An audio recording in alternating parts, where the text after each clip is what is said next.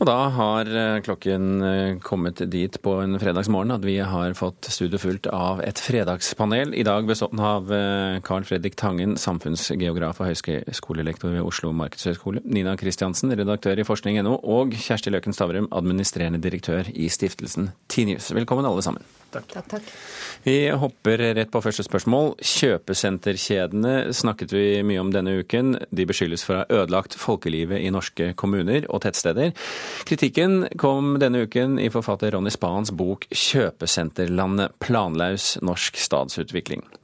Norge er på europatoppen i kjøpesentertetthet, og utbygger Olav Thon-gruppen mener politikerne må stille strengere krav til eh, kommunene om plassering og utforming. Og her kommer da første spørsmål endelig.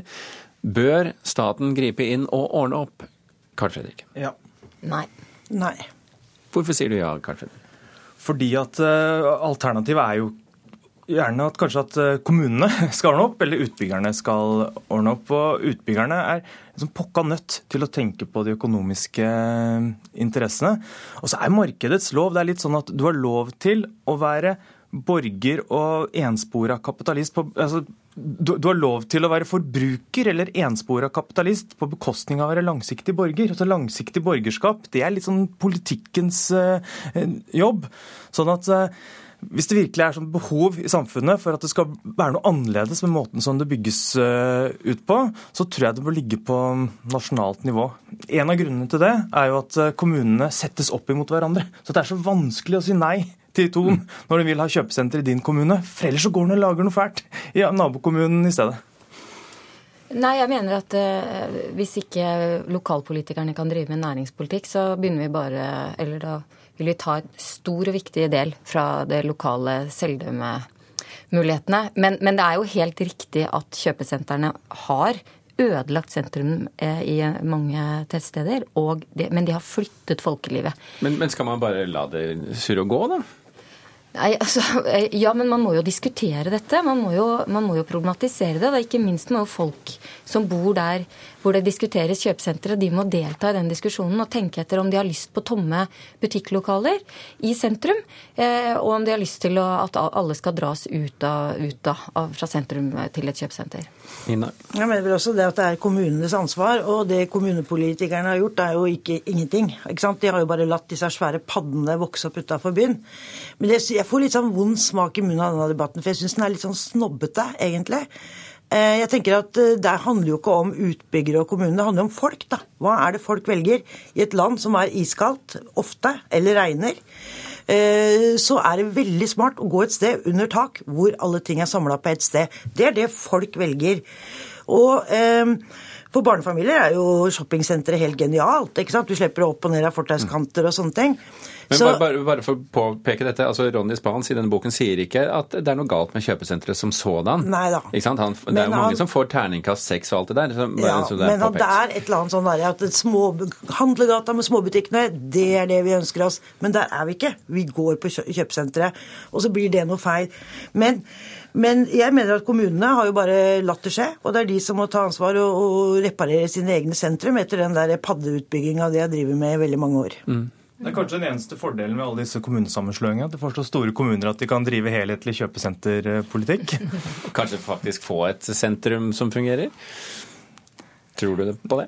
En av kjøpesentrenes eh, fordeler er jo at det kan tenkes med kjøpesenter. Altså At vi kan eh, sponse Vinmonopolet vi kan sponse henne som Maurits så det som folk vil ha. Og så kommer Nille og Kubus løpende og er villige til å betale mye husleie. Men kanskje den konkurransen mellom forskjellige gårdeiere og sånn så Det er sikkert noen fordeler ved det, men det kan også være problematisk. Da, for altså Byene sentrum kan ikke tenke helhetlig. Mens eh, kjøpesentrene kan det. Det tror jeg er noe av ja, grunnen til den gevinsten. Det er ikke helt riktig, for du har handelsstandsforeninger overalt, men det er litt mer komplisert. Men det som er sørgelig å se, er jo eh, tomme butikklokaler i, i, i mindre tettsteder som, som, ikke klarer å fylle det med restauranter, kafeer, et yrende folkeliv, som man gjerne kaller det. Eh, det blir bare dødt og stille. Og det, eh, det, tror jeg egentlig ingen tok helt inn over seg, hvordan det ser ut og hvordan det er. For vi, vi hadde jo eh, ordføreren i Ørsta på mm. telefonen her denne uken, Stein Aam, og han sa jo det at det, han innrømmet at det var ikke så veldig godt tenkt det de hadde gjort, og nå forsøkte de å reparere. Det er vel kanskje et lys i tunnelen? Ja, jeg tenker det også, ikke sant. Altså, når vi ser hva vi gjør gjør når vi er i utlandet. Da, da går vi i disse små gatene med de små kafeene og de små butikkene og elsker det. Og så i hverdagen her hjemme så går vi der det er mange ting og tilbud og sånne ting. Så dette her handler jo litt om uh, hva vi gjør når vi skal uh, handle og være sånne ting, og så hva vi gjør når vi skal kose oss og gå ut med en venn eller et familiemedlem og sånne ting. Og da går vi jo i kafeene. Og der har jo tettstedene en kjempemulighet til å få opp noe. Men nå begynner jo e-handel å ta veldig av. Eh, sånn Å, nei, er... Vi kan, ikke, vi kan ikke, tillate et nytt begrep nå. Nei, jo, men vi må, fordi det kommer til å påvirke kjøpesentrene enormt. Eh, fordi at da, Hvis du ikke går på kjøpesenteret for å handle ting, da er du ute etter noe annet. Og da kan det jo være at vi ser en ny mulighet for sentrene, da. Vi får være optimistiske. Internett eh, løser dette problemet for oss. Vi går til neste spørsmål. Spellemannprisen mistet godt over 100 000 TV-seere i år sammenlignet med i fjor. Også flere av de største prisvinnende stjernene uteble fra festen fordi de hadde bedre ting å gjøre karrieremessig. Spørsmålet er er Spellemanns tid over som TV-show? Ja. Som direktesendt show, ja. Eh, ja. Ja. Takk og farvel, sier vi da til Spellemann. Er det så enkelt? Kanskje... Ja, det var jo helt påfallende eh, og veldig ødeleggende eh, å, å, sitte og se på et show hvor du går ut og inn av opptak så ofte som man måtte gjøre det på lørdag for å få ting til å henge opp. Og til alt overmål så hadde de altså ikke fått klart å fange Arve Tellefsen sånn at han fikk med seg hedersprisen før han tok taxi hjem. Eh, så jeg antar jo at det har vært en alvorlig evaluering i NRK etter det showet. Og, og jeg syns at man bør tenke helt nytt. For det er, jo et, det er jo veldig morsomt å samles om norsk musikk og prøve å få det servert på ett brett. Men jeg tror man må slutte å tenke live på den måten som man har gjort det så langt. Hva er da løsningen? Et eller annet må i hvert fall skje. Jeg, tok en liten sånn spørreundersøkelse på jobben, og jeg tok en spørreundersøkelse hjemme blant ungdommene. Og ingen hadde noen mening om Spellemannprisen. Altså, det var ikke sånn at man var syntes det var et dårlig program. Man hadde ingen mening. Det var bare helt irrelevant. Dølt, som 17-åringen eh, sa. Så, så, jeg tenker at man må fornye seg. Og hvis man ikke klarer å fornye seg, så dør man jo som underholdningsprogram. Men er ikke dette, Carl Fredrik, er ikke dette et spørsmål om de nye mediene og nye eh, brukermønstre? For det er jo de samme problemene de sliter med f.eks. på Oscar eller Emmy Awards osv.? Jeg tror jo at altså Det at det er live, det er vel ikke problemet. Det må det være noe av fordelen for et sånt altså Det er jo det som er TVs eh, store, store, styrke. Eh, men at det er bransjestyrt, det tror jeg litt nå. Så at bransjen vil ha med alle og gjøre mange til lag. Så jeg tror du trenger et strengere TV-redaksjonelt styrt en, en, strengere redaksjonelt styrt Spellemannspris. Hva, hva, ville, hva ville kommet ut av det? Det vil komme ut at de la enda mer til side sånn kvalitetskrav knytta til sånn nyskap, nyskapende musikk og flinke utøvere og sånn. Og så la de, sånn, at det var Marcus og Martinus mye, mye mer eh, for mye, mer, mye mer pop, mye mer kjendis? Ja, altså jeg tror for, Programmet ville vært like forferdelig for meg, men jeg tror kanskje at det ville det, det, Så det, det, ville hatt mye større potensial. Så jeg, jeg, jeg tror ikke Altså, direktesendt ting hvor det skjer noe, og noen kjendiser får priser og sånn, det har ikke hatt uh, sin tid. Nei, og så er det et eller annet med det også. Uh, før så samla man hele familien ikke sant, i sofaen foran NRK og så på disse store showa som skulle underholde oss, hele familien fra ung til gammel. Og det er vel kanskje slutt på, da. At det blir for bredt.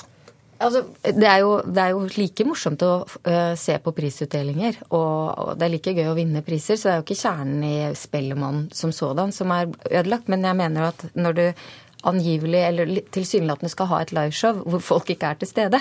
Eh, hvor alt egentlig er eh, så store deler er hermetikk, da. Så, så, så tror jeg det er lurt å tenke helt annerledes. De uh, gjør nok sine tanker uansett, disse som holder på med dette. Så la dette være innspill i, til dem på veien. Vi går til neste spørsmål. Flere og flere politikere arrangerer sine egne TV-sendinger på Facebook. Der får de nemlig uforstyrret av plagsomme journalister med kritiske spørsmål i helt eget tempo fortelle om forklare sin egen politikk. Og vårt spørsmål er er dette et nyttig supplement til mediebildet eller en fare for demokratiet?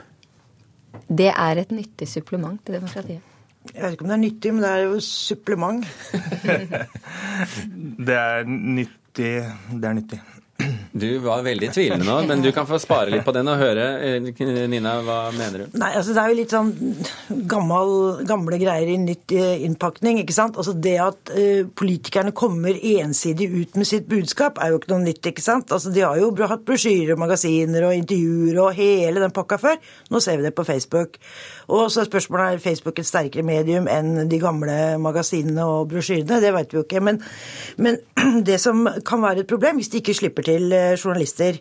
Eh, og da må jo journalister bli flinkere til å bore seg inn. Og det mm. er vårt problem. Nei, ikke du journalistdame. Eh, Carl Fredrik. Nei, Jeg, jeg, jeg syns jo ikke det er farlig i det hele tatt at politikerne er på Facebook. og jeg synes ikke det er som, altså Folketale er jo også direkte å bare få stå og messe sitt uh, budskap. Det er jo det trøbbelet som er i journalistikken, som er det, som er det skumle her. Men sånn som Sylvi... Hva, hva, snakker du om nå? Ja, ja. Trøbbel i journalistikken? Trø, altså, trøbbel med journalistikken er jo altså Det er så lite ressurser i f.eks. i, i sånn skrivende medier da, at uh, de får ikke du kan slite med å følge opp saker og Men sånn som Sylvi Listhaugs Facebook-aktiviteter, de ligger jo bak her, har jo skapt mye journalistikk. Det har skapt mye kritikk, det har skapt mye, mye debatt. Så jeg, jeg er ikke veldig bekymra for det. Altså, det du må fortsette å ha, er jo de prinsippene som journalistikken eh, er basert på. Og så må politikerne føle seg altså, nødt til å svare journalister.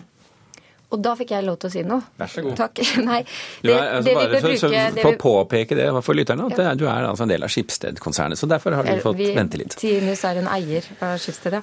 Men, um, men allikevel så mener jeg vel at um, All, på, all, informasjonstilgang er jo i utgangspunktet bra. Eh, og politikerne kommer til å bruke alle disse kanalene for alt de har vært uansett, og har alltid gjort det med partipressa. Eh, så det vi bør bruke krefter på, er jo å, å, å, være, å, diskutere hvordan journalistikken da får gjort sin oppgave. For dette er jo politisk reklame. Eh, alle er nødt til å være klar over det. Alle er nødt til å møte det med skepsis og være litt årvåken overfor hvilke spørsmål er det politikerne ikke vil svare på, eller prøver å unndra seg. For det er det skumle her. Hvis de heller sitter og snakker rett i Facebook-kamera eh, og unndrar seg f.eks. radiostudio, eh, intervjuer og den type ting, det, da er det ikke nyttig lenger. Da er det bare farlig.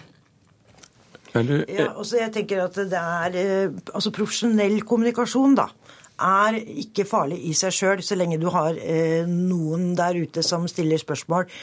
Og så er det sånn, Blir den så profesjonell at, folk, at leserne ikke skjønner det, eller lytterne ikke skjønner det, så er det jo igjen da, vi som står på, i pressen som må si noe. Se på klokka, du har kort tid. og så er jo altså, Facebook er jo for store partier, men det er jo for små partier òg. Altså, Rødt får liksom breia seg i, i Facebook. Og det er, jo ikke én politiker som får prate, det er politikere som prater mot hverandre. Og, så jeg syns konflikter kommer jo også fram der. Det blir ikke en monoton stemme. Men det blir stopp. Og den stoppen kommer her. Carl eh, Fredrik eh, Tangen, eh, takk for at du var med. Nina Kristiansen og Kjersti Løkenstad. Hør flere podkaster på nrk.no podkast.